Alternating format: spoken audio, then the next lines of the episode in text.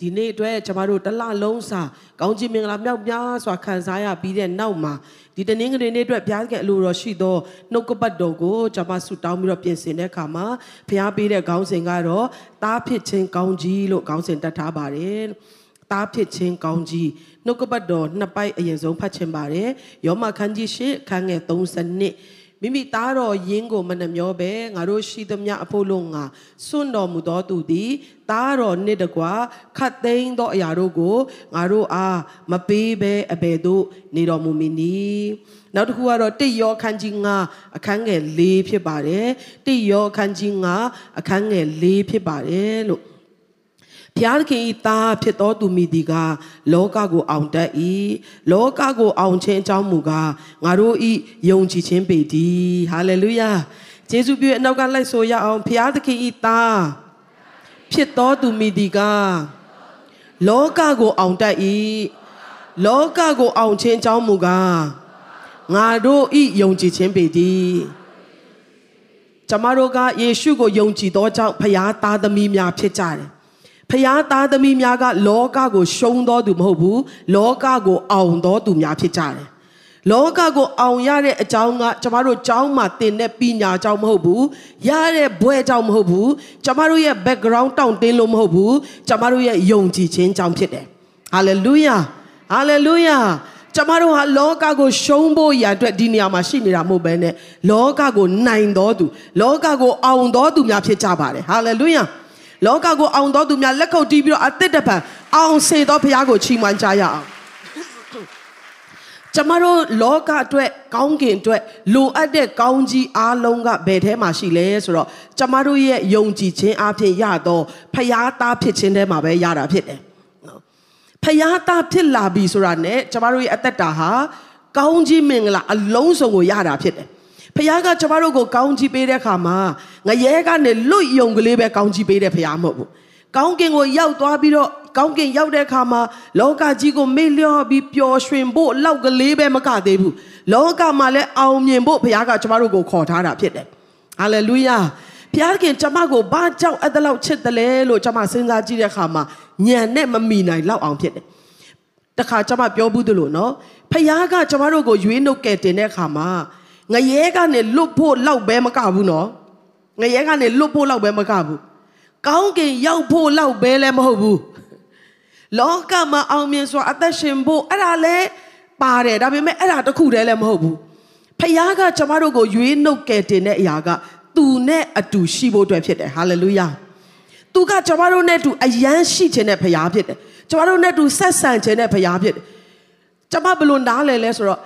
ကျဖခင်ကကျမတို့ကိုရွေးနှုတ်ကယ်တင်ပြီးရော့ကောင်းကင်ဆိုတဲ့နေရာကအယမ်းပျော်စရာကောင်းတယ်သွားနေကြနော်အာငရဲဆိုတာကအယမ်းဟိုဆိုးဝါးလုံးနဲ့ပူလောင်နဲ့နာကျင်နဲ့လာလာလာနင်တို့ငါရွေးနှုတ်ကယ်တင်မယ်အဲ့လိုမျိုးမဟုတ်ဘူးငရဲကနေကယ်နှုတ်ရတော့အကြောင်းရင်းကောင်းကင်ကိုပို့ရတော့အကြောင်းရင်းကသူနဲ့အတူရှိဖို့အတွက်ဖြစ်တယ်ဟာလေလုယာဖခင်နဲ့အတူမရှိဘူးဆိုရင်ကောင်းကင်လည်းပျော်စရာမကောင်းဘူး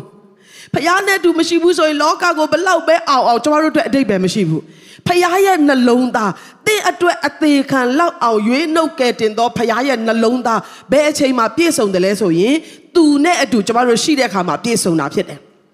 ဟာလေလုယာနားလည်နိုင်ဖို့ဖခင်ကောင်းချီးပေးပါစေယုံကြည်သူတွေရဲ့အသက်တာမှာနေမကောင်းတဲ့အခါမှာဆုတောင်းတယ်ကြမ်းမာတယ်သိကောင်းတယ်ဒါဖခင်ရဲ့ဂတိတော်ဖြစ်တယ်ပတ်စံမရှိတဲ့အခါမှာဆုတောင်းတယ်ဖခင်ကထောက်ပံ့တယ်သိကောင်းတယ်အဲ့ဒါလည်းဖခင်ရဲ့ဂတိတော်ပြည့်စုံခြင်းဖြစ်တယ် သို့တော်လည်းကျွန်မတို့အလိုချင်ဆုံးအတောင့်တဆုံးဖခင်ရဲ့နှလုံးသားကိုမေးကြည့်ပါဆိုရင်ကျမကိုသူကယ်တင်ရတဲ့အကြောင်းရင်းကကျမနဲ့အတူရှိခြင်းလို့ဖြစ်တယ်လင်မယားတဲ့အိမ်ထောင်ကြားတဲ့ခါမှာနော်အာသူကတိုက်ရှိလို့သူကကားရှိလို့သူကနာမင်ကြီးလို့သူကဆယ်လီမို့လို့ယူကြတာမဟုတ်ဘူးအတူနေခြင်းလို့အိမ်ထောင်ပြတာဖြစ်တယ်နော်ပေါင်းသင်းဆက်ဆံခြင်းရဲ့အမြင့်ဆုံးဒီဂရီကအတူနေခြင်းဖြစ်တယ်ဆိုတာနားလည်ဖို့တင့်ကိုဘုရားလိုတော်ရှိတယ်ဟာလေလုယာ ဟာလေလုယာကိုရင်ဘက်ကိုကိုပုတ်ပြီးတော့ပြောရအောင်ဘုရားကငါနဲ့အတူနေခြင်းတော့ဘုရားဖြစ်တယ်ဘသူနဲ့အတူနေခြင်းနဲ့ဘုရားလဲကျွန်ုပ်တို့နဲ့အတူနေခြင်းတော့ဘုရားဖြစ်တယ်အဲ့ဒီအချိန်မှာ तू ကအယံပြည့်စုံတယ်လို့ခံစားတယ်အယံပျော်တယ်သူကငါရွေးနှုတ်ကယ်တင်ရတာတိတ်တန်တယ်လို့ तू ကပြောတာဖြစ်တယ်ဖခင်ကကျွန်တော်တို့နဲ့အတူအယံအတူနေခြင်းတဲ့ခါမှာအပြစ်တရားကကျွန်တော်တို့နဲ့ဖခင်ကိုဝေးကွာစေတယ် အပြစ်ဆိုတဲ့အရာကဖျားစကားနားမထောင်ခြင်းဖျားကိုပုံကန်ခြင်းဖြစ်တဲ့ခါမှာအဲ့ဒီအပြစ်တရားနဲ့ဖျားနဲ့အတူနေလို့မရတဲ့အတွက်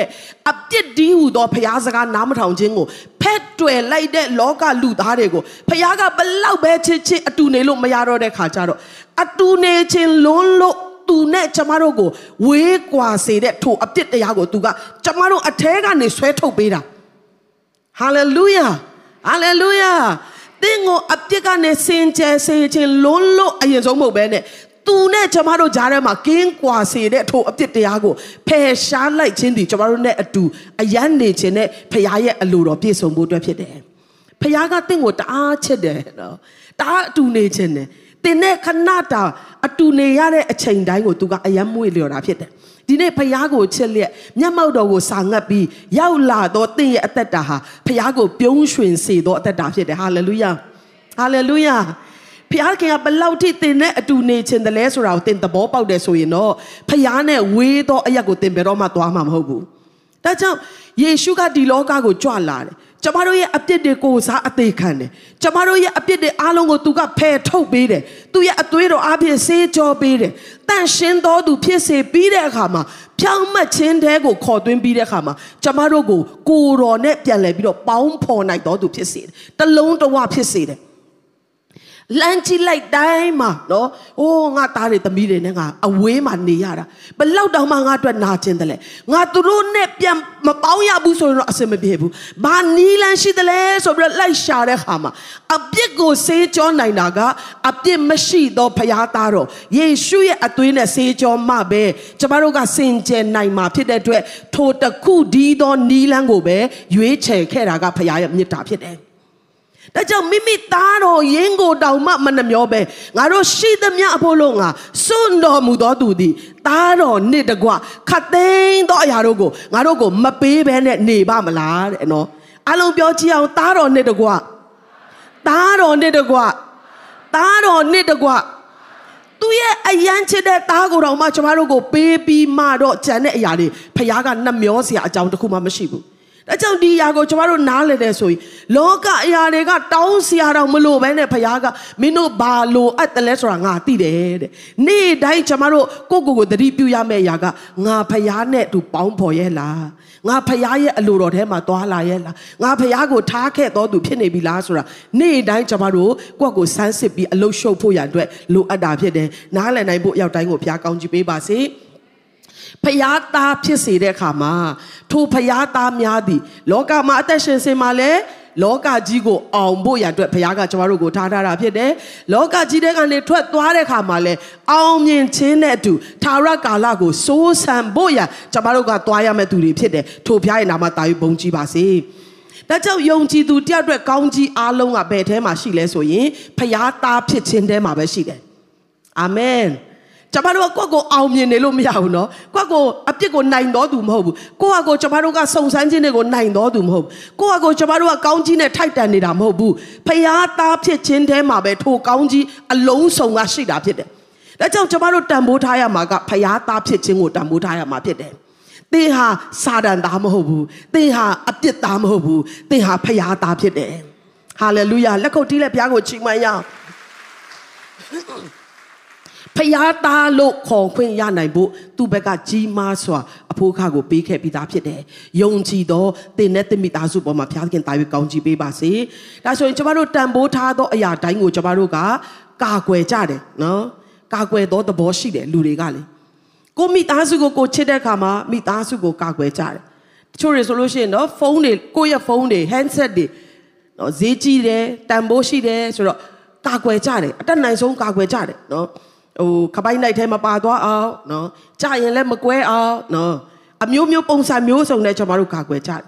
ဥပမာကိုတန်ဖိုးထားရတဲ့ကိုယ့်ရဲ့အိမ်တွေကိုယ့်ရဲ့ကားတွေဆိုရင်လည်းကျွန်တော်တို့အာမခံနေထားကြတယ်ပုံစံမျိုးစုံနဲ့ကာကွယ်ကြတယ်နော်ကိုချစ်တဲ့လူတယောက်ကိုတကယ်တန်ဖိုးထားတဲ့လူတယောက်နဲ့ကိုယ့်ရဲ့ဂျားထဲမှာရှိတဲ့ဆက်ဆံရေးဆိုရင်လည်းမပြိုလဲသွားအောင်မပြက်သွားအောင်ကျွန်တော်တို့ကတေချာကာကွယ်ကြတယ် မပြောတဲ့စကားတွေကိုမပြောတော့ဘူးသူ့ကိုနာကျင်စေမဲ့အလုပ်တွေကိုကျွန်တော်တို့မလုပ်တော့ဘူးဆိုတော့တန်ဖိုးထားသောအရာတိုင်းကိုကျွန်တော်တို့ကကာကွယ်ကြတယ်ဆိုရင်ဒီနေ့တင်းရဲ့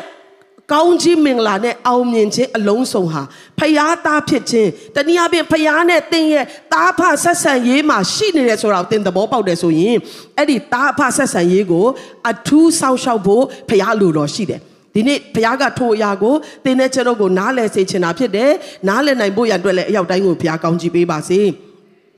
တည့်ရကောင်းကြီးအားလုံးကဘယ်ထဲမှာရှိလဲဖယားသားဖြစ်ခြင်းထဲမှာရှိတယ်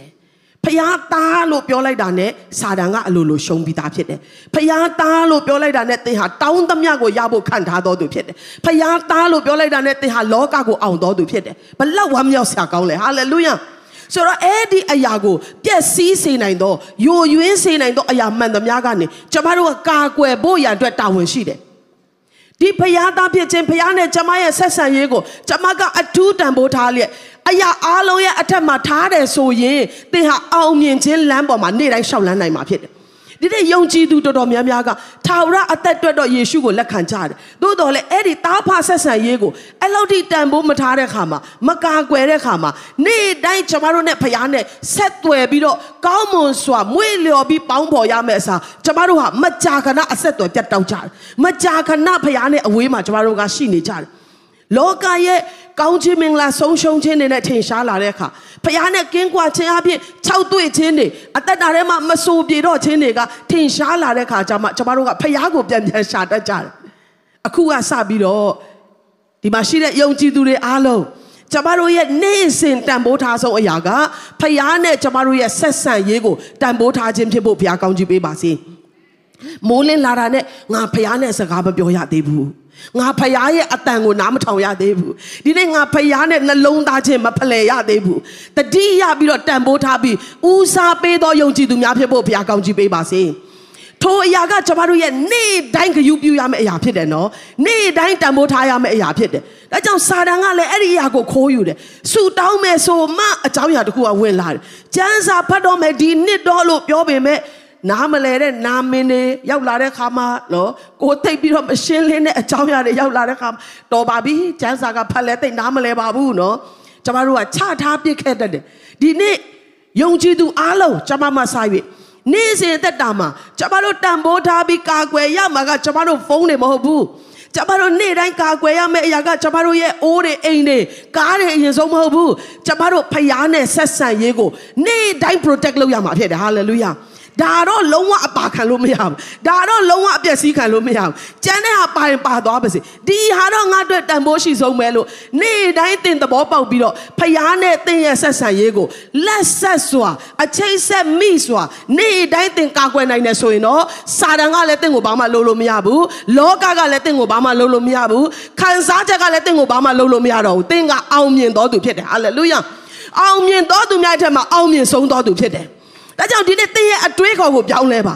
လောကစီးပွားရေးရှာတာတိတ်ကောင်းတယ်နော်အရန်ကောင်းတယ်လုပ်ကိုလုပ်ရမယ်မိသားစုကိုကာကွယ်တာတိတ်ကောင်းတယ်ဒါပေမဲ့ထိုကောင်းသောအရာအလုံးစုံတို့ကိုလုံနိုင်ဖို့ရအတွက်အတိတ်ကလိုအပ်တာကသင်နဲ့ဘုရားရဲ့ဆက်ဆံရေးဖြစ်တယ်ဆိုတာဒီနေ့ဝိညာဉ်တော်ဘုရားကသင်ကိုနားလည်စေခြင်းသောအရာဖြစ်တယ်ဟာလေလုယာစဉ်းစားကြည့်နော်ဘုရားကျောင်းထဲမှာဒါကျမတို့အာမင်ထူးတာ ဖယားနဲ့သင်ရဲ့ဆက်ဆံရေးကိုတီဆောက်ဖို့ထက်ဘယ်အရာတွေကိုသင်ဦးစားပေးတယ်လဲနော်ဒီနေ့တရက်စုမတောင်းရသေးဘူးရပါတယ်ကိစ္စမရှိပါဘူးဖယားနားလဲပါတယ်နော်နေ့တိုင်းတောင်းနေတာပဲဒီတရက်လောက်နဲ့တော့ဘာမှမဖြစ်တော့ပါဘူးနော်ဟာဒီနေ့ကျန်းစာမှာဖတ်မိလိုက်ရပါတယ်မနေ့ပြန်မှာပေါင်းဖတ်လိုက်တော့မယ်နော်ဒီလိုနဲ့သွားရင်သွားရင်သွားရင်ကနေတပတ်လောက်ကြာလာတဲ့အခါကျန်းစာကလည်းအကျွေးဆက်လို့မမီတော့နော်ဆူတောင်းခြင်းကလည်း တောင်းတာတောင်းတယ်အဆက်သွယ်ကပြတ်တာကြာသွားတော့ဒီမျက်နှာချက်တောင်မကြော်တော့ဘူးကျွန်တော်တို့ရဲ့ဆူတောင်းချက်ကနော်ဒီသားမှပဲလဲနေပြီနော်ကိုတော့ခေါ်ပေမဲ့မရောက်တော့ဘူးကျွန်တော်တို့ရဲ့ဆူတောင်းချက်က အချိတ်ဆက်ကမမိသွားဘူးလေနော်ဖုန်းခေါ်တာတောင်မှကျွန်တော်တို့မိပါတယ်အဝေးမှာရှိတဲ့လူတွေနဲ့ဖုန်းဆက်တဲ့အခါလိုင်းပြတ်သွားတယ်ဆိုရင်တအားစိတ်နှောက်ရှက်ဖြစ်တယ်နော်ဖျားနဲ့တင်တဲ့ကြားထဲမှာဘယ်တော့မှဆက်သွယ်ရေးလိုင်းမပြတ်ဖို့ဘုရားကောင်းချီးပေးပါစေ။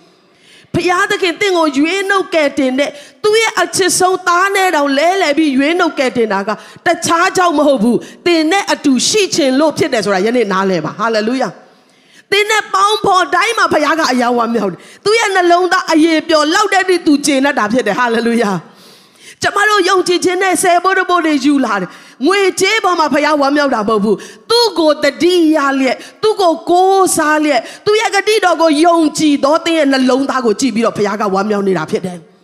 ဆူတောင်းတယ်ဂါထာတခုရွတ်တယ်လို့တစ်ချိန်လုံးရွတ်နေုံနဲ့ဘုရားကျင့်တတ်တာမဟုတ်ဘူး။နိုင်ပေါင်းများစွာယုံကြည်ခြင်းမပါဘဲနဲ့ဂါထာတခုအသင်ထိုင်ရွတ်နေလဲဘုရားမကျင့်တတ်ဘူး။သို့တော်လဲကိုတော်အဘအဖကျွန်ုပ်ကိုကယ်တင်တော်ဘုရားကျွန်ုပ်ရဲ့အဖေလို့သင်ကတတိယပြီးခေါ်လိုက်တဲ့အချိန်တိုင်းမှာဘုရားရဲ့နှလုံးသားကအရေးပြောနေတာဖြစ်တယ်။ဟာလေလုယာ။ဟာလေလုယာ။ မျက်မှောက်တော်ကိုစာငတ်တော်သူတိုင်းအတွက်ဘုရားခင်ကအယံကျေနပ်တာဖြစ်တယ်။ဒီနေ့ကျွန်တော်တို့ဒီတနင်္ဂနွေတရက်ပဲဘုရားကိုကိုးကွယ်တော်သူတွေမဖြစ်ကြဆိုနဲ့နေ့တိုင်းကျွန်တော်တို့ကာကွယ်ရမယ့်ຢာကဘုရားနဲ့ကျွန်တော်တို့ရဲ့သားဖဆက်ဆံရေးကိုဘယ်ຢာကမှမပြတ်တောက်စေဖို့ကာကွယ်နိုင်သောယုံကြည်သူများဖြစ်ရအောင်ဟာလေလုယာဟာလေလုယာအားလုံးပြောရအောင်နေ့တိုင်းနေ့တိုင်း ဆန်ဒေးတရပဲမဟုတ်ဘူးနော်ဘယ်နဲ့ဘယ်နေ့လဲနေ့တိုင်းမှာကျွန်တော်တို့ဒီဘုရားနဲ့ဆက်ဆံတော်သူများဖြစ်ရမယ်အတီးပြုသွားပြင်လက်ခုပ်တီးရအောင်ဟာလေလုယာကာကွယ်ထားပါနော်ကာကွယ်ထားပါဖခင်နဲ့တင်းရဲ့ဆက်ဆံရေးကိုပြတ်တောက်စေမဲ့အရာမှန်သမျှကိုကာကွယ်ထားပါအဲ့ဒီအချိန်ကြာမှတကယ်ချင်းကဖုန်းခေါ်တတ်တယ်ဆိုရင်နော်ဖခင်နဲ့ဆူတောင်းတော့မယ်အချိန်ယူတော့မယ်ဆိုတဲ့အခါကျမှတင်းကဖုန်းခဏခဏလာတတ်တယ်ဆိုရင်ဖုန်းပိတ်ပါနော်ဖုန်းကိုအဝေးမှာထားပါနော် မနေ့ကငါဆူတောင်းတော့မယ်ဒီနေ့တော့လုံးဝမရတော့ဘူးမနေ့6နိုင်ငါဆက်ထပြီးတော့ဆူတောင်းမယ်ဆုံးဖြတ်တယ်ဆိုရင်နှိုးဆက်ပေးပါထားပါဆုံးဖြတ်ပါဝိညာဉ်တော်ကမဆာပါလိမ့်မယ်ဟာလေလုယာဟာလေလုယာဒါကတင်းရဲ့ first priority ဖြစ်ဖို့ဘုရားခင်လို့တော့ရှိတယ်နော်ကျန်တဲ့ရအားလုံးဘာမှမရှိတော့ဘူးပြတ်တောက်သွားရင်တောင်မှဖခင်နဲ့ငါရဲ့ဆက်ဆံရေးကတော့ပြတ်တောက်လို့မရဘူး။ဒံယေလကဲ့သို့သောနှလုံးသားရှိဖို့ဘုရားခင်လို့တော့ရှိတယ်။ဟာလေလုယာ။ဟာလေလုယာ။ဟာလေလုယာ။ ကျမတို့ဟာ Sunday ခရိယန်တွေမဟုတ်ဘူးနော်နေ့တိုင်းဖခင်နဲ့ပေါင်းဖော်သောခရိယန်တွေဖြစ်တယ်နေ့တိုင်းဖခင်နဲ့မိတ္တာအဖွဲ့သောခရိယန်တွေဖြစ်ကြတယ်ယေရှုနာမ၌အတည်ပြုပါတယ်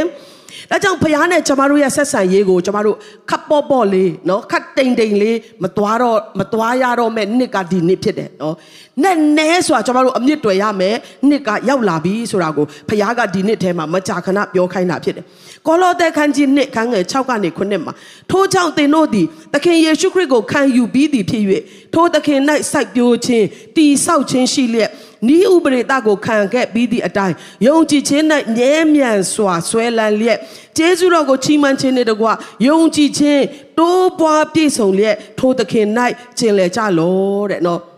ဒီနှုတ်ကပတ်တော်ကိုကျွန်မတရားဟောတဲ့ခါမှာမကြာခဏထည့်ပူးပါတယ်နော် let your roots grow down into him သူစီကိုရောက်တဲ့အထိသင်ရဲ့အမြင့်ဟာနက်စွာနော်နက်စွာအမြင့်တွယ်ပါစေတဲ့ ဒီသားလောက်လေးမှာပဲမြေကြီးအပေါ်ရန်လောက်လေးမှာပဲအမြင့်ကရှိနေတယ်ဆိုရင်ဆွဲနှုတ်တာမပြောနဲ့လေပြင်းချမ်းချမ်းတိုက်ရင်တောင်မှရေပိုက်နဲ့နာနာလေးလောင်းရင်တောင်မှကျွတ်ထွက်သွားပြီးတော့အဲ့ဒီဘေးကတည်သွားမှာဖြစ်ဒါပေမဲ့အမြင့်ကိုနက်စွာဘယ်ထိလဲဆိုတော့ကိုတော်ကိုကိုရောစီကိုရောက်တဲ့အထိအမြင့်တွယ်သောအသက်တာဖြစ်ပါတဲ့ပြီးလို့ရှိရင် let your lives be built on him သူအပေါ်မှာတည်ဆောက်ပါတဲ့သင်ရဲ့အသက်တာကိုခရစ်တော်အပေါ်မှာတည်ဆောက်ပါတဲ့ ဒါတွေကတရက်တည်းနဲ့ပြီးတဲ့ကိစ္စမဟုတ်ဘူးနော်နေ့တိုင်းလုပ်ရမယ့်အလုပ်ဖြစ်တယ်ယုံကြည်သူတွေနေ့တိုင်းလုပ်ရမယ့်အလုပ်ဖြစ်တယ်။တနင်္ဂနွေနေ့လာတယ်ခွန်အားယူတယ်အရန်ကျေးဇူးတင်တယ်။ဒါပေမဲ့အခုကစား assignment ယူသွားရအောင်။နေ့တိုင်းနော်နေ့တိုင်းနေ့တိုင်းကိုယ်တိုင်းဖခင်နဲ့ဆက်ဆံတော်သူမိမိအသက်တာကိုဖခင်ပေါ်မှာထပ်ဆင့်ထပ်ဆင့်ထပ်ဆင့်တီဆောက်တော်သက်တာဖြစ်ဖို့ဖခင်ကတင့်ကိုဒီနှစ်မှာမျှော်လင့်နေပြီဖြစ်တယ်။ဟာလေလုယာ။ခိုင်ခန့်သောယုံကြည်သူတွေနဲ့စွာအမြင့်တွယ်သောယုံကြည်သူတွေဖြစ်ဖို့ဘုရားခင်တင့်ကိုမျှော်လင့်တယ်ဟာလေလုယာ။ အပေါ်ရန်လောက်နဲ့နည်းနည်းလေတိုက်ယုံနဲ့လွင့်နဲ့ပျက်စီးတဲ့ခရိယန်တွေဖြစ်ဖို့ဘုရားလိုတော့မရှိဘူး။တင်းရဲ့ယုံကြည်ခြင်းကနဲ့စွာအမြင့်တွယ်ရမယ်။တင်းရဲ့အသက်တာခရစ်တော်ပေါ်မှာထပ်ဆင့်တည်ဆောက်သောအသက်တာဖြစ်ဖို့ဘုရားကလိုတော့ရှိတယ်။ပြဿနာတွေမုံတိုင်းတွေလာရင်လည်းမထီခိုင်းနိုင်လောက်အောင်နဲ့စွာအမြင့်တွယ်သောအသက်တာဖြစ်ဖို့ယုံကြည်သူအားလုံးဘုရားကကောင်းချီးပေးပါစေ။ဒါဆိုရင်နော်တင်းရဲ့အသက်တာကဖရားထဲမှာနဲ့နဲစွာ အုံမြင့်ကြလက်အမြင့်တွယ်သောအသက်တာဖြစ်လာပြီဆိုရင်တော့သင်ကခိုင်ခန့်လာမယ်အဲ့ဒီဖျားနဲ့သင်ရဲ့ဆက်ဆံရေးခိုင်ခန့်သလောက်ကျန်တဲ့ကဏ္ဍတွေကခိုင်ခန့်လာမှာဖြစ်တယ်အားကြီးလာမှာဖြစ်တယ်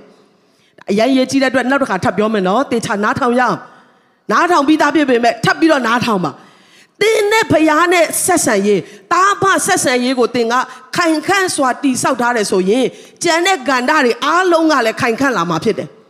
စာတန်ကလုံးဝဝင်ပေါက်ရတော့မှာမဟုတ်ဘူးလင်မယားဆက်ဆံရေးမှာလည်းစာတန်ဝင်လို့မရတော့ဘူး။တာမီတာဖဆက်ဆံရေးမှာလည်းစာတန်ဝင်လို့မရတော့ဘူး။ငွေကြေးအားဖြင့်လည်းစာတန်ကနှောက်ယှက်လို့မရတော့ဘူး။ကျမ်းမာချင်းနဲ့လည်းစာတန်ကနှောက်ယှက်လို့မရတော့ဘူး။ဒါကြောင့်ကဏ္ဍအားလုံးမှာလုံခြုံခြင်းနဲ့ဆိုရင်ကဏ္ဍအားလုံးမှာခိုင်ခန့်ခြင်းနဲ့ဆိုရင်ဘယ်ကနေအစပြုရမလဲဆိုတော့သင်နဲ့ဘုရားရဲ့ဆက်ဆံရေးကိုခိုင်ခန့်စွာတည်ဆောက်ဖို့ရန်အတွက်အလွန်အရေးကြီးတယ်။နားလည်ဖို့နဲ့လက်တွေ့လိုက်ရှောက်နိုင်ဖို့အသင်ကိုဘုရားကောင်းချီးပေးပါစေ။ ဖခင်နဲ့တင်းရဲ့ဆက်ဆံရေးနည်းနည်းဟသွားပြီဆိုရင်ချောင်းမြောင်းနေတဲ့စာတန်ကအဲ့ဒီအပေါက်ကနေသူကချက်ချင်းဝင်တာဖြစ်တယ်ဒီနေ့တော့ဆုမတောင်းတော့ပါဘူးဒီနေ့တော့ကျမ်းစာမဖတ်တော့ပါဘူးဒီတစ်ပတ်တော့ဘုရားကျောင်းမသွားတော့ပါဘူးဒီတစ်ပတ်တော့ line line ပေါ်မှာလည်းတက်ပြီးနားမထောင်တော့ပါဘူးတစ်ပတ်ကနေနှစ်ပတ်နှစ်ပတ်ကနေသုံးပတ်ဖြစ်လာတဲ့ခါမှာအဲ့ဒီဟသွားတဲ့ဆက်ဆံရေးအဲ့ဒီမပေါင်းဖော်တဲ့ကာလထဲမှာစာတန်ကချောင်းမြောင်းပြီးတော့သူကဝင်လာတယ်ချက်ချင်း ဝင်လာတဲ့ခါမှာတခြားကန္တာကန္တာကန္တာတွေအားလုံးမှာတစားနဲ့တစားတစားနဲ့တစားပိုးကြိုက်တဲ့အသက်တာနော်စာတဲ့ချောင်းမြောင်းနေသောစာတန်ရဲ့ခိုးယူခြင်းကိုခံရသောအသက်တာဖြစ်လာတာဖြစ်တယ်။ဒါကြောင့်တခြားရတဲ့အားလုံးထက်ပိုရေးကြည့်တာကနော် တခြားရအားလုံးလို့ပြောတဲ့ခါမှာစီးပွားရေးလည်းပါတယ်ပညာရေးလည်းပါတယ်အိမ်ထောင်ရေးလည်းပါတယ်သမီးစားကိစ္စလည်းပါတယ်လုံသမျှရအားလုံးရဲ့အထက်မှာနံပါတ်1ကျမတို့ကွယ်ကာရမယ့်အရာအပြက်စီးမခံရမယ့်အရာတန်ဖိုးထားရမယ့်အရာကဖခင်နဲ့တင့်ရဲ့ကိုယ်ပိုင်ဆက်ဆံရေးဖြစ်တယ်ဟာလေလုယာဟာလေလုယာဒီနေ့နှုတ်ကပတ်တော်အားဖြင့်တင့်ရဲ့အသက်တာတင့်ရဲ့အနာဂတ်စတင်ပြီးတော့ပြောင်းလဲနေပြီလို့ယုံကြည်ပါတယ် ဆက်ဆံရေးမှာဖခင်နဲ့သားဖဆက်ဆံရေးမှာအာမနေတော်သူဖြစ်ဖို့တင့်ကိုဘုရားကောင်းချီးပေးပါစေ။ဒါကြောင့်နဲ့စွာအမြင့်တွယ်ခြင်းနဲ့ဆက်ဆံရေးကိုတိဆောက်ခြင်းနဲ့ဆိုရင်တော့မြင်ရတဲ့ကဏ္ဍမှာသင်ကဘာလုပ်ရမလဲဆိုတော့ခုနပြောသလိုပဲနေ့တိုင်းချမ်းစာဖတ်ရမယ်နေ့တိုင်းဆူတောင်းရမယ်အဲ့ဒါပြင်းလို့မရဘူးနော်။ကျွန်တော်တို့အသင်းတော်ကဒီနှစ်ဘုရားကျေးဇူးတော်ကြောင့်ချမ်းစာဖတ်တဲ့ နော်ယုံကြည်သူများရဲ့လိုင်းလုံးကစတင်ပြီးတော့အလုံးလုံးလာတဲ့ခါမှာလူတိုင်းကစမ်းစာဖတ်ကြတယ်ယုံကြည်သူတိုင်းကနေ့တိုင်းစမ်းစာဖတ်လာကြတယ်နော်ဒီနေ့ထိမှန်မှန်ဖတ်တဲ့လူတွေလက်ထောင်ကြည့်အောင်ဂုံယူစွာဖြင့်ဂုံယူစွာဖြင့်ဟုတ်ပြီယေရှုတင်တဲ့လက်ပြန်ချရအောင်အဲ့ဒါအသင်းတော်အတွက်သင်ဖတ်နေတာမဟုတ်ဘူးအဲ့ဒါသင်ဖရားအတွက်ဖတ်နေတာမဟုတ်ဘူးသင်အတွက်ဖတ်နေတာဖြစ်တယ်နော် တင်းအတွက်ဖတ်နေတာဖြစ်တယ်။ကျမ်းစာဖတ်လာတဲ့အခါမှာတချို့တွေတင်းနားမလဲတာတွေပါရင်ပါမယ်။စိတ်မဝင်စားတာတွေပါရင်ပါမယ်။တင်းရဲ့နှလုံးသားကိုဒိုင်းကနေမထီးတဲ့ဟာလည်းဖြစ်ချင်းဖြစ်မယ်။နော်။သို့တော်လဲမှန်မှန်နှုတ်ကပတ်တော်ကိုတင်းရဲ့အသက်တာထဲမှာဖတ်ရှုခြင်းအပြင်တင်းနဲ့ဖရားရဲ့ဆက်ဆံရေးကပို့ပြီးတော့ခိုင်ခန့်လာမှာဖြစ်တယ်။ပို့ပြီးတော့ဟိုနှွေးထွေးနေမယ်ပို့ပြီးတော့နီးကပ်စွာခံစားရမှာဖြစ်တယ်။ ထို့တူဆုတောင်းခြင်းနော်ဆုတောင်းခြင်းကိုလည်းဒီနှစ်မှာကျွန်တော်တို့အားထုတ်တော်အသင်းတော်ဖြစ်တယ်ဟာလေလုယာကျွန်တော်တို့အသင်းတော်ဟာဆုတောင်းခြင်းနဲ့အားကြီးတော်သူတွေဖြစ်တယ်တလားတခါအစာရှောင်ဆုတောင်းတလားတခါအာယုံဥဆုတောင်းအဲ့လောက်ပဲမဟုတ်ဘူးနေ့တိုင်းဆုတောင်းတော်သူတွေဖြစ်တယ်ဟာလေလုယာနေ့တိုင်းဖခင်မျက်နှာရှာတော်သူတွေဖြစ်တယ်ကျွန်မဆိုရင်တခါတလေမနေ့အိယာထားတဲ့ခါမှာမတောင်းနိုင်တဲ့နေ့တွေမတောင်းချင်တဲ့ရက်တွေရှိတယ်နော်အာဒီနေ့တရက်လောက်ဇိမ်လေးနဲ့အိတ်လိုက်ရရင်ကောင်းပါပဲ ဒီနေ့ကမနေ့ကတအားပင်ပန်းခဲ့တာဒါပေမဲ့ကိုကိုကို train လုပ်ရတယ်နော်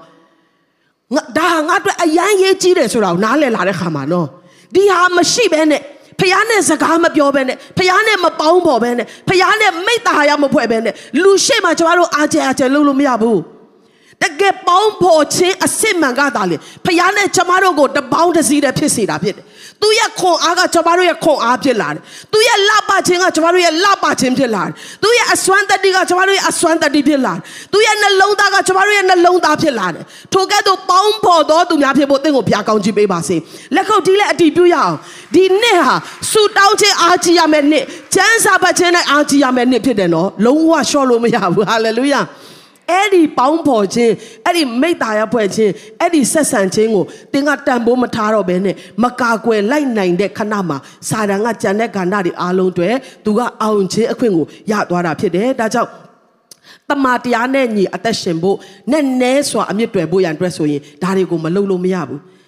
တစ်ဖက်မှာကြည့်ရင်လည်းတေးချတယ်စာတန်ကအဲ့ဒါ तू လုံးဝမကြိုက်ဘူး तू လုံးဝမကြိုက်တဲ့အထက်မှာပါတယ်နော်ကျွန်တော်တို့ဖះနဲ့ဆက်ဆံတော့မယ်ဆိုတဲ့အချိန်တိုင်းပေါင်းဖော်တော့မယ်ဆိုတဲ့အချိန်တိုင်းမှာ ပြင်းတယ်အိတ်ငိုက်တယ်အနောက်ရှက်ဝင်လာတယ်အဲ့ဒီခါတိုင်းမှာတတိယပါဒီတန်ဖိုးကိုနားလေတဲ့စာတန်ကအလုံးလုံးနေပြီဆိုတာသိပါစာတန်ထက်ပို့ပြီးတော့လဲရအောင်ဟာလေလုယာစာတန်ထက်ပို့ပြီးတော့အာကြီးတော်သူဖြစ်ရအောင်စာတန်ကနည်းနည်းလေးနော်ကျမတို့ကိုဖူးဆိုတာနဲ့ကျမတို့ကပက်လက်ကြီးလမ်းပြီးတော့နော်အာကျန်းစာမဖတ်နိုင်တော့ပါဘူးစုမတောင်းနိုင်တော့ပါဘူးမဖြစ်ရဘူးနော်ကင်လှုပ်ခြင်းခံရရင်တောင်မှကျမတို့ကခိုင်ခန့်တော်တတ်တာဖြစ်ရမယ်အာမင် ခိုင်မာသောဆုံးဖြတ်ချက်နဲ့ဒီနှစ်မှာသွားပါငါနဲ့ဖခင်ရဲ့ဆက်ဆံရေးကိုတော့ဘာကြောင့်နဲ့မှတော့ငါအပြတ်မခံဘူးဆိုတော့နှလုံးသားသင်ရှိလာပြီဆိုရင်ကျန်တာတွေအားလုံးဖခင်ကတာဝန်ယူသွားမှာဖြစ်တယ်အာမင်ဟာလေလုယာဒီချမ်းစာလေးအဖြစ်ပြက်လေးကိုလူတိုင်းသိပြီးသားဖြစ်ပေမဲ့ဒီနေ့မှာအတိတ်တပံခွန်အားယူချင်တာကပျောက်သောသားအကြောင်းဖြစ်ပါတယ်လူကာခန်းကြီး15ထဲမှာပါတယ်ခန်းငယ်17ကနေကြည့်ရအောင်တပံမိန်တော်မူဒီကတစုံတယောက်သောသူ၌သားနှစ်ယောက်ရှိအားလုံးပြောရအောင်သားနှစ်ယောက် သူတို့ဒီသားများဖြစ်ကြတယ်နော်သားများဖြစ်ကြတယ်တစ်ဖက်ကနေပြောမယ်ဆိုယုံကြည်သူများကိုပုံဆောင်တယ်နော်ကျမတို့ယုံကြည်ပြီးသားဖရားသားသမီးတွေရဲ့အသက်တာကိုပုံဆောင်တာဖြစ်တယ်တားငယ်သည်အဘထံသို့တွား၍အဘကျွန်ုပ်ရထိုက်သောအမွေဥစ္စာကိုဝေ၍ပေးပါဟုတောင်းပန်လေအဘသည်ဥစ္စာများကိုဝေ၍သားတို့အားပေးလေ၏ထို့နောက်များမကြာတားငယ်သည်မိမိဥစ္စာများကိုသိမ်းယူ၍ဝေးစွာသောပြည်သို့တွားပြီးလေ ကျွန်မအမြဲတမ်းငယ်ငယ်ကလေးစဉ်းစားတယ်ဘာလို့ရှာရှည်ပြီးအဖေအမွေတောင်းတယ်လဲပေါ့နော်ကျွန်မကလေတိတ်ပြီးတော့အစင်မပြေဘူးစိတ်ထဲမှာစဉ်းစားတယ်ဒါပေမဲ့အခုနားလဲတာကဘာလဲဆိုတော့တားဖြစ်တဲ့အတွက်အမွေတောင်းခွင့်ရှိတယ်အမွေတောင်းတာကပြဿနာမရှိဘူးအဖေကလည်းမေးခွန်းတော့မထုတ်ဘူးပေးတယ်နော်သူတားအမွေတောင်းတဲ့ခါမှာပေးတယ်အဲကြောင့်ကျွန်တော်တို့ဖရားသားသမီးတွေကကောင်းကြီးတောင်းခွင့်ရှိတယ်ပြဿနာမရှိဘူးဖရားကတင်တောင်းတဲ့ကောင်းကြီးပေးကိုပေးမှာဖြစ်တယ်ဒါပေမဲ့အဲ့ဒီကောင်းကြီးကတင်တဲ့ဖရားကိုမဝေးကွာစေဖို့လိုအပ်တယ်ဟာလေလုယာ အလုတ်တောင်းတယ်ဖခင်ကအလုတ်ပေးတယ်အလုတ်မရခင်တော့ကတော့ဖခင်เจ้าမှာမျက်ရည်နဲ့မျက်ခွက်နဲ့ဆူတောင်းတယ်အလုတ်ရပြီးတာနဲ့ဖခင်ကိုမသိတော့ဘူးဆိုရင်အဲ့ဒါကမှပြဿနာဖြစ်တယ်နော်ဖခင်ကတင်တောင်းတာအားလုံးပေးနိုင်တော့ဖခင်ဖြစ်တယ်သို့တော်လဲ तू ပေးတဲ့ကောင်းကြီးကတင်နဲ့ဖခင်ကိုမဝေးစေဖို့ရအတွက်ဖခင်လိုတော်ရှိတယ်ဒီတားငယ်ရဲ့ပြဿနာကဘာလဲဆိုတော့အမွေစောစောတောင်းတာပြဿနာမဟုတ်ဘဲနဲ့အမွေနဲ့အဖေစီကနေထွက်သွားတာကပြဿနာဖြစ်တယ် ဒီနေ့ဖျားစီကနေထွက်မသွားတော့သူများဖြစ်ဖို့ဘုရားကောင်းချီးပေးပါစေသူကဝေးစွာသောပြည်ကိုသွားတယ်သွားတော့တော့မှအဖေနဲ့အဝေးကြီးကိုသွားတယ်တဲ့နော်ထိုပြည်မှာကာမဂုဏ်၌လွန်ကျူးသောအပြင်ဥစ္စာပြုံးတီး၍ရှိသမျှကုံသောခါထိုပြည်၌ကြီးစွာသောအစာခေါင်းပါခြင်းဖြစ်၍သူသည်အလွန်ဆင်းရဲခြင်းသို့ရောက်၏ရှိတဲ့နေရာမားသွားတဲ့ခါမှာရတဲ့အရာတွေလည်းမားလာတယ်ဆိုတော့ကျွန်တော်တို့နားလည်ရတယ် သူရှိရမယ့်နေရာကသူ့အဖေရဲ့အိမ်မှာဖြစ်တယ်နော်သူရှိရမယ့်နေရာကသူ့အဖေရဲ့အဝေးအဝိုင်းမှာသူ့အဖေရဲ့ဦးဆောင်မှုအောက်မှာသူ့အဖေရဲ့အုပ်ချုပ်မှုအောက်မှာသူကရှိရမှာဖြစ်ပေမဲ့ရှိတဲ့နေရာမားလာတဲ့ခါမှာရတဲ့အရာတွေမားသွားတယ်နော်တတိပြုနိုင်ဖို့ဘုရားကောင်းချီးပေးပါစေမားတဲ့အရာတွေတင်ရဖို့ရအတွက်ရှိတဲ့နေရာမားဖို့စာတန်ကသွေးဆောင်လိမ့်မယ်နော်ဘုရားရဲ့အဝေးဝိုင်းထဲမှာတင်မရှိတော့ဘူး ဖျားနဲ့ဝေးရာကိုတင်သွားတယ်ဆိုရင်ကောင်းကြီးဘလောက်ပဲရရအဲ့ဒီကောင်းကြီးတွေကကုံသွားနိုင်တယ်ဖျားရဲ့အဝင်းဝိုင်းထဲမှာရှိပါမှန်သောအရာတွေကိုသင်ကထပ်ဆင်၍ရမယ့်အသက်တာဖြစ်တယ်ဟာလေလုယာဆိုတော့ तू ကြုံတွေ့ရတဲ့အရာ तू ရင်ဆိုင်ရတဲ့အရာတွေအားလုံးကိုကြည့်တဲ့အခါမှာအမွေတောင်းလို့လည်းအရင်ဆုံးမဟုတ်ဘူးအမွေရလို့လည်းအရင်ဆုံးမဟုတ်ဘူးသူကဖျားစီကနေအဝေးကိုထွက်သွားတော့အသက်တာဖြစ်နေလို့တာလည်းဖြစ်တယ်နော်ဒါကြောင့်ဒီနေ့ကျွန်တော်တို့ဒီ ဖះကောင်းကြီးပေးလာတဲ့ခါမှာကောင်းကြီးနဲ့ကောင်းကြီးပေးသောအရှင်ကိုအယွေးမမဖို့လိုတယ်အာမင်ကောင်းကြီးမင်္ဂလာရတာဖះကတင်းကိုတင်းလိုချင်တာထက်တောင်မှတာ၍ကောင်းသောຢာကိုပေးချင်တဲ့ဖះဖြစ်တယ်ကိုတော့အလုတ်ပေးပါလို့ပြောတဲ့ခါမှာကိုတော့ကစနေတနင်္ဂနွေနားရတဲ့လုတ်အရန်ကောင်းတဲ့တထင်းအရန်ကောင်းတဲ့လုတ်ဖို့ဆောင်ဘက်ဝင်ဝင်အများကြီးရှိတဲ့အလုတ်ကိုပေးချင်တဲ့ဖះပေးနိုင်တဲ့ဖះဖြစ်တယ်ဟာလေလုယာ သို့တော်လည်းကျမတို့ကအဲ့ဒီကောင်းကြီးနဲ့ပျော်ပြီးတော့ကောင်းကြီးပေးတဲ့အရှင်နဲ့ကျမတို့မပေါင်းဖော်တော့တဲ့အခါမဆက်ဆံတော့တဲ့အခါဂယုမဆိုင်တော့တဲ့အခါကျမတို့ကရှိတဲ့နေရာမှားသွားတာဖြစ်တဲ့အတွက်ရတဲ့အရာတွေကတစ်ခုပြီးတစ်ခုမှားလာတယ်သူရှိတဲ့နေရာမှာအစာခေါင်းပါခြင်းဖြစ်လာတဲ့ကုံရသမျှအကုန်လုံးရှိသမျှအကုန်လုံးကုံသွားပြီးတော့လုံးဝသူ့မှာကုန်းကောက်ဆရာဘာမှမရှိတဲ့အနေအထားကိုရောက်သွားပြီးတော့အလွန်ဆင်းရဲခြင်းကိုရောက်တယ် ခါတလေမှာယုံကြည်သူတွေကဖះဒံပေးတယ်ဖះကကျမကိုဒံပေးတယ်ဖះကကျမကိုရိုက်တယ်အဲ့လိုပြောကြတယ်နော်ဖះကရိုက်တာဖះကဒံပေးတာဆိုတာတဲ့တင်ရှိတဲ့နေရာကိုပြန်ဆန်းစစ်ဖို့လိုတယ်ရှိတဲ့နေရာမှာတင်မရှိရင်တော့ရတဲ့အရာတွေမရဘဲနဲ့မရတဲ့အရာတွေနဲ့ပဲတင်ကရှိနေနိုင်တယ်ဆိုတာကိုသတိပြုဖို့လိုတယ် လူကာခန်းကြီး15အငယ်15ကိုရောက်လာတဲ့အခါမှာထိုအခါပြည်သားတယောက်ထံသို့သွား၍အစေခံလျင်ဝတ်တို့ကိုကြောင်းစေခြင်းကသူ့သခင်သည်တောသို့ဆေလို့သဖြင့်သူသည်ဝတ်စားတတ်သောပဲတောင်ကိုပင်စားခြင်းမတတ်ငတ်မွလျက်နေရ၏အဘယ်သူမျှအစာကိုမကြွေ မရှိသင့်တဲ့နေရာမှာရှိလာတဲ့အခါမှာတာဖဆက်ဆံရေးကို तू မတီဆောက်ဘဲနဲ့ပြတ်တောက်ခံလိုက်တဲ့အခါမှာသူ့ရဲ့အသက်တာဘာဖြစ်သွားလဲရှိသမျှအားလုံးကုန်တယ်ဆင်းရဲတယ်မလုပ်ရမယ့်အလုပ်ကိုလုပ်ရတယ်မစားသင့်တဲ့အစာကိုစားချင်တဲ့အသက်တာကိုရောက်သွားတယ်ထိုမြမကစားချင်တာပဲရှိပြီးတော့သူ့ကိုဘယ်သူကမှမကြွေးဘူးတဲ့အငယ်ဆက်ခွန်ရောက်လာတဲ့ခါမှာဒါကတကက် turning point ဖြစ်တယ်နော်ထိုအခါတတိယလျင်တဲ့နော်တတိယလျင် ဒီကာလဟာကျေးဇူးတော်ကာလဖြစ်တယ်။တန်ရှင်သောဝိညာဉ်တော်ကအထူးအလုံးလုံးနေသောကာလဖြစ်တယ်။သင်ဟာဖျားနဲ့ကင်းကွာပြီးဖျားနဲ့သင်ရဲ့ဆက်ဆံရေးကိုဂယုမဆိုင်တော်သူဖျားနဲ့အဝေးကိုထွက်သွားတော်သူဖြစ်တယ်ဆိုရင်ဒီနေ့ဝိညာဉ်တော်ဖျားကသင်ကိုတတိယစေသောကာလဖြစ်တယ်။ဟာလေလုယာ။ငါသားငါသမီးသင်ဟာအဝေးကြီးကိုသွားလို့မရဘူးနော်ဖះကိုကြောခိုင်းလို့မရဘူးနော်သင်ဟာအမြဲတမ်းငါနဲ့ဆက်ဆံရမယ့်သူဖြစ်တယ်ငါရဲ့အဝင်းဝိုင်းမှာပဲရှိရမယ့်သူဖြစ်တယ်လို့သင်ကိုတတိယစေတာကတန်ရှင်တော်ဝိညာဉ်တော်ဖះဖြစ်တယ်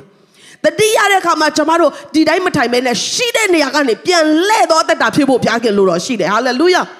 ဟာလေလုယာဖယားတဲ့တခုခုကိုသင်ဦးစားပေးနေတယ်ဆိုရင်ဖယားနဲ့ဆက်ဆံရေးကိုတိဆောက်ဖို့တဲ့တခြားရတခုခုနဲ့သင်ကဆက်ဆံရေးကိုတိဆောက်နေတယ်ဆိုရင်ယနေ့ဝိညာဉ်တော်ဘုရားကနှုတ်ကပတ်တော်အဖြစ်သင်ကိုတတိယစေဖို့သွေးဆောင်လက်ရှိသောကာလဖြစ်တယ်ဟာလေလုယာဝိညာဉ်တော်ကိုလက်ခုပ်တီးပြီးတော့ခဏလောက်ဂုဏ်ပြုကြရအောင် ထိုကတတိယလျင်ငါအဘဤအိမ်၌အခစားသောသူများတို့သည်ဝါစွာစားရကြ၏ငါမူကားဤပြည်၌တေးအောင်အငတ်ခံရ၏ငါထ၍အဘထံသို့သွားမည်အဘကျွန်ုပ်သည်ဘုရားသခင်ကို၎င်းကိုတော်ကို၎င်းပြစ်မှားပါပြီယခုမှစ၍ကိုတော်ဤတားဟူ၍ခေါ်ခြင်းကိုမခံထိုက်ပါသူငါရာ၌ကျွန်ုပ်ကိုထားတော်မူပါဟုငါပြောမိဟုအကြံရှိသည်နှင့်ထ၍အဘထံသို့သွားလေ၏သူ့ရဲ့အသက်တာတစ်ခုလုံးကိုပြောင်းလဲသွားစေတာကအဖေစီကိုငါပြန်တော့မယ်ဆိုတဲ့ဆုံးဖြတ်ချက်ဖြစ်တယ် အာမင်ဒီနေ့လူတွေဒီနေရာမှာထိုင်နေပေမဲ့ကျမတို့ရဲ့အသက်တာကျမတို့ရဲ့စိတ်နှလုံးတွေကဖျားနဲ့ဝေးกว่าသောအသက်တာတနည်းအားဖြင့်ဖျားနဲ့ဆက်ဆံရေးထက်တာ၍တခြားຢာတွေကိုအရေးကြီးစေသောအသက်တာဖခင်ကတင်းကိုခဏခဏမျောနေပေမဲ့ကိုတော်လို့တောင်တခါမှမခေါ်တဲ့အဖေလို့တောင်တခါမှမခေါ်ဘဲနဲ့လှုပ်ချင်ရလှုပ်နေတဲ့အသက်တာကနေပြီးတော့ကောင်းကြီးနဲ့အတူပြန်ပြီးတော့ဖခင်နဲ့ဆက်ဆံနိုင်ဖို့ရန်အတွက်တခုတည်းပဲရှိတယ်အဲ့ဒါကအဖေစီကိုပြန်သွားမယ်ဟာလေလုယာ ဟာလေလုယာသူကအဲ့ဒီစိတ်နဲ့ပြန်မဲလို့အကြံရှိသည်နှင့်ထ၍အဘထံသို့သွားလေ၏သွား၍ဝေးသေးသောအခါအဘသည်သူ့ကိုမြင်လေတနာသောစိတ်ရှိသည်နှင့်ပြေးသွား၍တားဤလေပင်ကိုပိုက်ဖက်လျက်လမ်းရှုံးလေ၏အဖေကဘလောက်တောင်မှသူ့ကိုမျောလင့်တယ်လဲနော်ဘလောက်တောင်မှမျောလင့်တယ်လဲတခါတလေမှာကျွန်မစဉ်းစားတဲ့အခါမှာမယုံကြည်သူတွေကလည်းဖះကိုမယုံကြည်တဲ့အခါငရဲကိုသွားမှာဆိုတော့ဖះကိုဝမ်းနေစေတာပဲနော် ကျမတို့ယုံကြည်ပြီးသားဖရာသားသမီးတွေလည်းဖရာကဘလောက်ပဲမျောမျောကျမတို့ကဖရာကိုတတိမရပဲနဲ့သွာလာနေကြတယ်ဒီခေတ်ကာလမှာဆိုရင်တချို့တွေနိုင်ငံခြားသွားတဲ့သားသမီးတွေနော်သွားကစားတော့အင်ကိုတတိရတယ်ကြာလာတဲ့အခါမှာနိုင်ငံခြားကိုကျင်လဲရပဝင်းချင်းမှာပျော်မွေးပြီးတော့နော်ဒေါ်လာတွေစားပြီးတော့ရွာမှာကြံခဲ့တဲ့ကိုရဲ့မိဘတွေကကိုထွက်လာတော့အတိုင်းပဲတန်ဆွမ်းနေမယ်လို့ထင်ကြတယ် ငါးနှစ်နေလဲဆယ်နှစ်နေလဲဒီမိဘတွေကိုအယမ်းကြီးစိတ်ထဲမှာသူတို့ကိုတောင်းတမယ်လို့မထင်ကြတဲ့သားသမီးတွေအများကြီးရှိတယ်ချိန်တန်လို့အိမ်ပြန်သွားတဲ့ခါမှာမိဘတွေကိုပြုစုခွင့်တောင်မရဘူးတချို့တွေကသူတို့မိဘတွေကသူတို့သွားတော့ကနဲ့ဆိုင်အများကြီးအိုမင်းပြီးတော့မျက်နာတွေရှုံးပြီးတော့နော်အသားရည်တွေတွန်းပြီးတော့မျက်စိတွေမွဲပြီးတော့ဖြစ်နေတဲ့ခါမှာဒီလိုဇက်လန်းတွေကိုမြင်ရကြားရတဲ့ခါမှာတိတ်ပြီးတော့နာကျင်ရတယ် တကယ်တော့ဖယားကတင်တဲ့ကျွန်ုပ်ကိုအမြဲတမ်းစောင့်နေတဲ့ဖယားဖြစ်တယ်တင်ပြန်လာမဲ့နေ့တည့်ရနှလုံးသားထဲကနေအော်ကိုတော့ကျွန်တော်အတွက်လောကကြီးမှာအရေးကြီးဆုံးကကိုတော်နဲ့ဖက်တွယ်ခြင်းကိုတော်နဲ့စကားပြောခြင်းကိုတော်နဲ့အတူထမင်းစားခြင်းကျမ်းစာကဘာပြောလဲငါသည်တကားရှိမှရက်ပြီးတော့ခောက်နေတယ်တဲ့အကျဉ်သူသည်ငါရဲ့အတန်ကိုကြားပြီးတကားကိုဖွင့်မယ်ဆိုရင်ထိုသူရှိရတော့ငါဝင်မယ်တဲ့သူနဲ့အတူငါစားတော့မယ် ဖခင်ကလည်းတင့်ကိုပလင်ပေါ်မှာထိုင်ပြီးတော့နော်ဟာလက်ညှိုးလေးထိုးပြီးတော့အာကျမတို့ကဒီလိုလေးပဲကိုးကွယ်ရတာမဟုတ်ဘူးကျမတို့ရဲ့အဖကကျမတို့နဲ့အတူထမင်းစားခြင်းနဲ့ဖခင်ဖြစ်တယ်ကျမတို့နဲ့အတူအိယာဝင်ခြင်းနဲ့ဘုရားဖြစ်တယ်။ကျမတို့နဲ့အတူမိုးလင်းတဲ့အခါမှာထပြီးတော့စကားပြောခြင်းနဲ့ဘုရားဖြစ်တယ်။ကော်ဖီအတူတောက်ခြင်းနဲ့ဘုရားဖြစ်တယ်။တည့်ရဲ့နေ့စဉ်လှုပ်ရှားမှုမှန်သမျှမှာကိုတော်နဲ့မိတ္တာယာဖွဲ့တော်တတ်တာဖြစ်ဖို့ဘုရားကောင်းချီးပေးပါစေ။ ဖခင်ကတင့်ကိုအယမ်းဆာငတ်နေတယ်တင်သူ့စီကိုပြန်သွားပြီးတော့အဲ့ဒီသားဖဆက်ဆံရေးကိုအမြဲတမ်းတိဆောက်ပြီးတန်မိုးထားတော်သူဖြစ်တယ်ဆိုရင်တင်ကဖခင်ကိုဝမ်းမြောက်စေတော်သူဖြစ်တယ်ဟာလေလုယာသားကလည်းအဘကျွန်ုပ်ဒီဖျားခင်ကို၎င်းကိုတော်ကို၎င်းပြစ်မှားပါပြီယခုမှစာရီကိုတော်ဤသားဟူရခေါ်ခြင်းကိုမခံထိုက်ပါဘူးဆိုလျင်တဲ့အဘကစကားပြောခွင့်တောင်ဆက်မပေးတော့ဘူးဘာလို့လဲမြတ်သောအဝတ်ကိုယူခဲ့ကြသူ့ကိုခြုံကြတဲ့တော့အင်မတန်မှညစ်ပတ်နေတဲ့ ဝက်ကိုကြောင်းရတဲ့ဘဝတောထဲမှာနေရတဲ့ဘဝနဲ့နန်စော်ပြီးရောက်လာတဲ့သူ့ရဲ့သားကိုဝစ်လုံအကောင်းဆုံးသောဝစ်လုံနဲ့လွမ်းခြုံပေးတာကသူ့ရဲ့ဖခင်ဖြစ်တယ်ဟာလေလုယာကျမတို့ရဲ့တက်တာဘလောက်ပဲညစ်ညူးပါစေဘလောက်ပဲသင်ဟာစိတ်ပြက်စရာကောင်းပါစေယနေ့ကိုရောစီကိုပြန်လာတယ်ဆိုရင်ကိုရောကသင်ကိုဖြောင်းမှတ်ခြင်းဝစ်လုံနဲ့ပြန်ခြုံပေးတော်ဘုရားဖြစ်တယ်ဟာလေလုယာ သင်ရဲ့ညစ်ညူးခြင်းနဲ့အားလုံးရဲ့ထက်မှာသူကတန်ရှင်းစွာလောက်ပါစွာသင်ကိုလွမ်းခြုံပေးဖို့စောင့်နေတော်ဘုရားကသင်ကိုးကွယ်တော်ဘုရားဖြစ်တယ်ဒီနေ့ကျမတို့မြင်ရတဲ့ခန္ဓာကိုယ်တန်ရှင်းလောက်ပါတော်ကျမတို့ရဲ့စိတ်နှလုံးတွေကအိုးဝက်ကြောင်းသားလိုပဲတော်တဲ့ကနေပြီးတော့နန့်စော်ပြီးတော့ရောက်လာတော်လူလည်းရှိနိုင်တယ်သို့တော်လည်းဘုရားကမင်းအယံနန်တယ်မင်းအယံအပြစ်များတယ်ငါနဲ့ဝေးတာအယံကြတဲ့အတွက်မင်းရဲ့ဖြစ်ခြင်းကကြည့်တဲ့အခါမှာလက်ခံနိုင်စရာတခုမှမရှိဘူးလို့မပြောဘဲနဲ့ဖက်ယံပြီးတော့ဟာလေလုယာ ဖြောင်းမခြင်းဝစ်လုံအကောင်းဆုံးသောဝစ်လုံနဲ့ပြန်လဲလွမ်းခြုံပေးတော်ဖခင်ဖြစ်တယ်သူဤလက်၌လက်စွတ်တစားကိုစင်ကြလက်စွတ်ဆိုတာဒီတနည်းအားဖြင့်လောက်ပိုင်ခွင့်ဖြစ်တယ်အခွင့်အာဏာကိုပြန်ပေးခြင်းဖြစ်တယ်နော်ဒီနေ့ဖယားသားဖြစ်ခြင်းထဲမှာလောက်ပိုင်ခွင့်ကောင်းကြီးရှိတာဖြစ်တယ်ဟာလေလုယာဟာလေလုယာသင်ကအမိတ်ပေးတဲ့အခါမှာဒီတောင်ကိုနေရာကနေရွှေ့ပင်လယ်ထဲကိုကြလို့ပြောရင်ပြောတဲ့အတိုင်းဖြစ်မယ်တဲ့ဟာလေလုယာ ဖယားနဲ့သင်ရဲ့ဆက်ဆံရေးကလုံးဝမှန်ကန်နေတဲ့တိဆောက်ထားတယ်ဆိုရင်လေတောင်ပြဿနာတောင်ကိုကြည့်ပြီးထိုင်ကိုရမဲ့သူမဟုတ်တော့ဘူးမတ်တရက်ပြီးပြဿနာတောင်ကိုအမိတ်ပေးတော်သူဖြစ်လာမယ်ဟာလေလုယာဒါကြောင့်အဲ့ဒီဆက်ဆံရေးကိုနေ့တိုင်းတိဆောက်ဖို့အရေးကြီးဆုံးဖြစ်တယ်။တိဆောက်လာတဲ့အခါမှာသင်ရဲ့ယုံကြည်ခြင်းတွေကအားကြီးလာတယ်။ဖခင်ရဲ့တကိုးတော်ကသင်ရဲ့တကိုးဖြစ်လာတယ်။ဖခင်ရဲ့အစွမ်းတတ္တိကသင်ရဲ့အစွမ်းတတ္တိဖြစ်လာတယ်။ဖခင်ရဲ့ဂတိတော်ကသင်ရဲ့တက်တာမှာပြည့်စုံလာတဲ့အခါမှာသင်ဟာကန္တတိုင်းမှာအောင်မြင်တော်သူဖြစ်လာတယ်။အာမင်။ ချင်းနင်းကိုလည်းစီးစေကြတဲ့တနည်းအားဖြင့်ကြုံမဟုတ်ဘူးသားဖြစ်တယ်လို့ဝန်ခံပေးခြင်းဖြစ်တယ်နော်ဖခင်ကတင့်ကိုလက်ခံတဲ့အခါမှာကြုံအနေနဲ့လက်ခံတာမဟုတ်ဘူးသားအနေနဲ့လက်ခံတာဖြစ်တယ်အာမင်ကိုကိုကိုရင်ဘက်ကိုပုတ်ပြီးတော့ပြောရအောင်ငါဟာဖခင်သားဖြစ်တယ်လို့ပြောရအောင် စူအောင်ကျွေးသောနွားကလေးကိုယူ၍တတ်ကြတို့ပြီးမှငါတို့သည်စားကြကုန်အံ့ပျော်မွေ့ခြင်းကိုပြုကြကုန်အံ့ငါသားသည်အထက်ကတည်ယခုရှင်ပြန်၏အစေပါတို့ကိုဆိုပြီးမှထို့သူအပေါင်းတို့သည်ပျော်မွေ့ခြင်းကိုပြုကြ၏တင်နဲ့ကျွန်ုပ်နောင်တနဲ့ကိုရော့စီကိုပြန်လာတိုင်းမှာကိုရောဟာဘယ်လောက်ထိဝမ်းမြောက်တယ်လဲဆိုတော့ပွဲခံတော်ဖရာဖြစ်တယ် ဟာလေလုယာဒီနေ့မှာနောင်တနဲ့ပြန်လာတော်သူများအတွက်ဖရားပွဲခံတော်နေ့ဖြစ်ဖို့ဖရားကောင်းကြီးပေးပါစေ။တည့်ရဲ့ကောင်းကြီးအားလုံးကတည့်ရဲ့အဖေစီမှာပဲရှိတယ်။ကောင်းကင်အဖကပဲတည့်ရဲ့ကောင်းကြီးမင်္ဂလာအလုံးစုံပြည့်စုံရာဖြစ်တယ်။ဒါကိုသင်နားလဲတယ်ဆိုရင်နေ့တိုင်းတခြားຢာတွေလည်းကောင်းပါတယ်။ဒါပေမဲ့အဲ့ဒီအရာတွေရဲ့အထက်မှာထိုဆက်ဆံရေးကိုကျွန်တော်တို့အမြဲတမ်းတိဆောက်တော်တတ်တာကာကွယ်တော်တတ်တာဖြစ်ဖို့လိုတယ်။ရှင်ယောဟန်ခန်းကြီး15အခန်းငယ်9မှာ ငါသည်စပြစ်နွယ်ပင်ဖြစ်၏သင်တို့သည်အခက်များဖြစ်ကြ၏အကျဉ်သူသည်ငါ၌တည်၏ငါသည်လည်းသူ၌တည်၏ထိုသူသည်များစွာသောအသီးကိုတည်တတ်၏ငါနှင့်ကွာလျင်သင်တို့သည်အဘယ်မှုကိုများမတတ်နိုင်ကြတီးတယ်ဆိုတာကတစ်ချိန်လုံးဆက်ထားတာဖြစ်တယ်နော်တစ်ချိန်လုံးဆက်ထားတာဖြစ်တယ်ဒုက္ခရောက်မှဘုရားနဲ့ပြေးဆက်တာမဟုတ်ဘူးနော်ပတ်စံလိုမှအဖေမေကိုဖုန်းဆက်တဲ့အသက်တာမဖြစ်ရဘူးနော်ကောင်းကြီးလိုချင်မှဘုရားကိုခေါ်တဲ့အသက်တာမဖြစ်ရဘူး သင်ဆုတောင်းခြင်းအချိန်ယူတဲ့ခါတိုင်းမှာလိုအပ်ချက်တစ်ခုရှိလို့ဘုရားနဲ့ဆက်ဆံတာမဟုတ်တော့ဘဲနဲ့တာဖဆက်ဆံရေးကိုတည်ဆောက်ရအောင်မနဲ့မိုးလင်းလာတဲ့ကိုရောအဖကျွန်ုပ်ကိုရောကိုချစ်ပါတယ်ကိုရောရဲ့မေတ္တာအတွက်ယေရှုတင်တယ်ကျွန်ုပ်လိုမျိုးချစ်စရာမကောင်းတဲ့သူကိုချစ်ပြီးတော့တားအရာမှာခွဲခတ်မှတ်ထားတဲ့အတွက်ယေရှုတင်တယ် ကျွန်းအနေနဲ့လက်ခံတာမဟုတ်ဘဲနဲ့ခြေနင်းကိုစီးစေလျက်သားအဖြစ်နဲ့လက်ခံတော့ကြောင့်ယေရှုတင်တယ်စပြီးတော့ဘုရားနဲ့သင်မိတ္တာရဖွဲ့ကြည့်ပါသင်နဲ့သားဖဆက်ဆံရေးတဖြည်းဖြည်းနဲ့ခိုင်ခန့်လာတဲ့အခါမှာကျန်တဲ့ကဏ္ဍတွေအားလုံးမှာအောင်မြင်ခြင်းအသက်တာကိုသင်ရှောက်လန်းရမှာဖြစ်တယ်ဟာလေလုယာနောက်ဆုံးနေနဲ့တော့ကျွန်တော်တို့ခိုင်ခန့်ဖို့ရအတွက်ကဘာလိုအပ်တယ်လဲဆိုရင်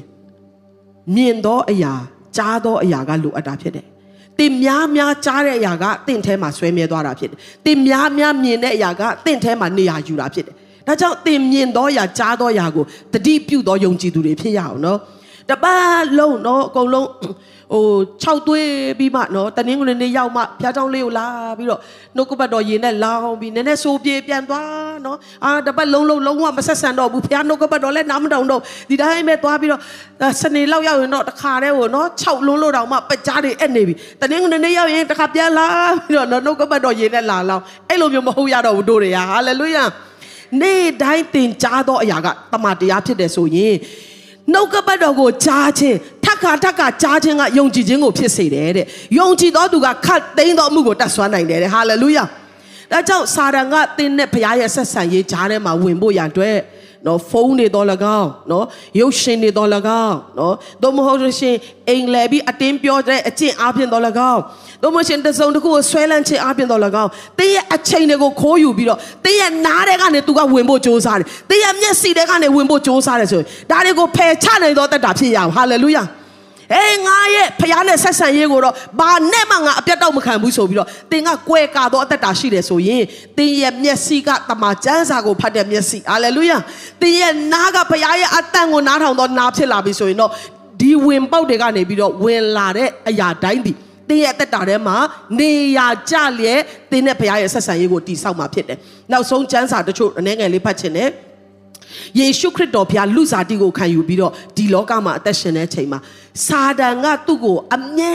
တမ်းသူ့ကိုတန်တရားရှိစေတဲ့စကားကပါလဲဆိုတော့တင်ဒီဘုရားသားမှန်လျက်တင်ဒီဘုရားသားမှန်လျက်တင်ဒီဘုရားသားမှန်လျက်ဆိုတာတစ်ချိန်လုံးစာတန်ကယေရှုရဲ့လူစားတိကိုခံယူတဲ့ယေရှုထဲကနေသူဆွဲထုတ်တဲ့ဝင်ပေါက်ကိုရှာတဲ့စကားဖြစ်တယ်။မာသဲခန်းကြီးလေးငယ်သုံးမှာထိုကစုံစမ်းသွေးဆောင်တော်သူသည်ချင်းကပ်၍ကိုတော်သည်ဘုရားခင်တားတော်မှန်လျက်ဤကြောက်ခဲတို့ကိုမုန်းဖြစ်စေခြင်းကအမိန့်ရှိပါ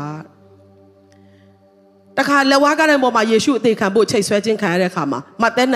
40မှာဘုရားသခင်တားတော်မှန်လေလက်ဝါးကားတိုင်းမှာဆင်းလို့မိမိတို့ခေါင်းကိုညှိ့၍ကဲ့ရဲ့သောစကားနဲ့ပြောဆိုကြ၏လမ်းသွားလမ်းလာတွေကပင်လေစာရန်ကသုံးပြီးတော့နော်ဘုရားသားမှန်ရဲ့အခုချက်ချင်းလက်ဝါးကားတိုင်းပေါ်ကဆင်းနော်မာကုခန်းကြီးဆက်လေခန်းငယ်61မှာကိုရောဒီတခွန်းမြပြန်ပြောတော်မမူတိတ်ဆိတ်စွာနေ၏တပန်ယစ်ပရောဟိတ်မင်းကသင်ဒီခရစ်တော်ဒီဟုသောမင်္ဂလာရှိသောဘုရားခင်တားတော်မှန်တယ်လို့ဟုမေးပြန်၏ ဒီနေ့သင်ရဲ့အသက်တာထဲမှာဖျားသားဖြစ်ခြင်းကိုတန်တရားဖြစ်ဖို့စာတန်ကအလုပ်လုပ်လိမ့်မယ်ဖျားနဲ့သားဖဆက်ဆံရေးကိုပြတ်တောက်စေဖို့ရန်စာတန်ကသုံးလို့ရတဲ့အရာအလုံးကိုသုံးလိမ့်မယ်ပညာရှိသောဖျားသားများဖြစ်ကြရအောင်ဟာလေလုယာဟာလေလုယာထို့တူပဲနော်ဖျားကယေရှုခရစ်တော်လောကမှာလူစားတိခံယူစင်မှာခမီးတော်ဘုရားကိုတော်တိုင်ကအတန်အားဖြင့်နှစ်ကြိမ်တိတိအတန်ထွက်ပြီးတော့စကားပြောတယ်ပြောတဲ့အခါမှာ तू ပြောတာက prophet လို့လည်းမပြောဘူး ဘာတခြားရာတစ်ခုခုနဲ့လည်း तू မပြောဘူးမသက်ခန်းကြီး၃ခန်းငယ်၁ခုနှစ်မှာဆိုရင်ယေရှုကယင်းနေချင်းခံပြီးပြန်ထလာတဲ့အခါမှာတဲ့ဤသူကငါနှစ်သက်မျက်နှိုးရာငါဤချစ်သားပေသည်ဟာလေလုယာ ဟာလေလုယာဖယားတန်ဖိုးထားသောအရာကသားဖြစ်ခြင်းဖြစ်တယ်။တခါအခန်းငယ်အခန်းကြီး16အခန်းငယ်9မှာတရံတော်ပြောင်းလဲခြင်းတောင်ပေါ်မှာယေရှုနဲ့တကက်သူ့ရဲ့အင်းနာစာကပေတုယာကုပ်ယောဟန်တို့ရှိတဲ့ချိန်မှာအေလိယနဲ့မောရှေတို့ကထင်ရှားလာပြီးတော့ယေရှုခရစ်တော်ရဲ့တဒံတော်ပြောင်းလဲခြင်းဖြစ်လာတဲ့အခါမှာသူတို့ကအယံပျော်ပြီးတော့ဒီမှာအေလိယဖို့ တဲတဆောင်မောရှေဖို့တဲတဆောင်ကိုရောအတွက်တဲတဆောင်ဒီမှာပဲနေရအောင်လို့ပြောတယ်ထိုးတို့လျှောက်စင်တွေထွန်းလင်းသောမိုးတိမ်သည်ထိုသူတို့ကိုလွှမ်းမိုး၍ဤသူသည်ငါနှစ်သက်မျက်နှိုးရာငါ၏ချက်သားပေသည်သူ၏စကားကိုနားထောင်ကြလို့ဟုမိုးတိမ်ကအတန်တော်ဖြစ်လေ၏ဒီနေ့တင်အတွက်တန်ဖိုးအရှိဆုံးကဖျားသားဖြစ်ခြင်းဖြစ်တယ်ထိုဖျားသားဖြစ်ခြင်းကငရဲကနေလွတ်မြောက်စေတယ်ထိုဖျားသားဖြစ်ခြင်းကကောင်းကင်အမွေအလုံးကိုခံစေတယ်ထိုဖျားသားဖြစ်ခြင်းကလောကကိုအောင်စေတာဖြစ်တယ် ဒါဆိုရင်အဲ့ဒီဖျားသားဖြစ်ခြင်းဖျားနဲ့သားဖဆက်ဆံရေးကိုနေ့တိုင်းတည်ဆောက်သောတက်တာဖြစ်ဖို့ကျမတို့ရဲ့နေ့စဉ်တက်တာမှာနံပါတ်1ဦးစားပေးဖြစ်စေတယ်ဆိုရင်တော့ကျန်တဲ့ကဏ္ဍအားလုံးမှာဖျားကလုံခြုံစေမှာဖြစ်တယ်။ဒါကြောင့်ဒီနေ့နှုတ်ကပတ်တော်ဒီနားထောင်လို့ကောင်းယုံမှုပဲနဲ့ အိမ်စာဖြစ်တဲ့အတွက်ဒီတပတ်အတွင်းမှာနေ့တိုင်းစပြီးတော့လှုပ်ဆောင်ကြည့်အောင်မိုးလင်းလာတာနဲ့ငါအတွက်အရေးကြီးဆုံးဟာတားဖဆက်ဆံရေးတည်ဆောက်ဖို့ငါအတွက်အရေးကြီးဆုံးဟာဖရားနဲ့တားဖဆက်ဆံရေးကိုတည်ဆောက်ဖို့အတွက်ဖြစ်တယ်ထိုဆက်ဆံရေးကိုပြတ်တောက်စေမဲ့အရာအားလုံးကိုငါကယံသူကဲ့သို့မှတ်လျက်ညင်းဆန်သောယုံကြည်သူဖြစ်တယ်ငါမြင်သောအရာငါကြားသောအရာသည်ငါတို့ရဲ့တားဖဆက်ဆံရေးကိုပြတ်တောက်စေမဲ့အရာတွေမဟုတ်ဘဲနဲ့တည်ဆောက်သောအရာများကိုသာလေငါနားထောင်မယ်ငါကြည့်တော့မယ်ဆိုတဲ့နှလုံးသားနဲ့အသက်ရှင်နိုင်သောယုံကြည်သူများဖြစ်ဖို့နှုတ်ကပတ်တော်အပြင်အရောက်တိုင်းကိုဘုရားကောင်းချီးပေးပါစေ။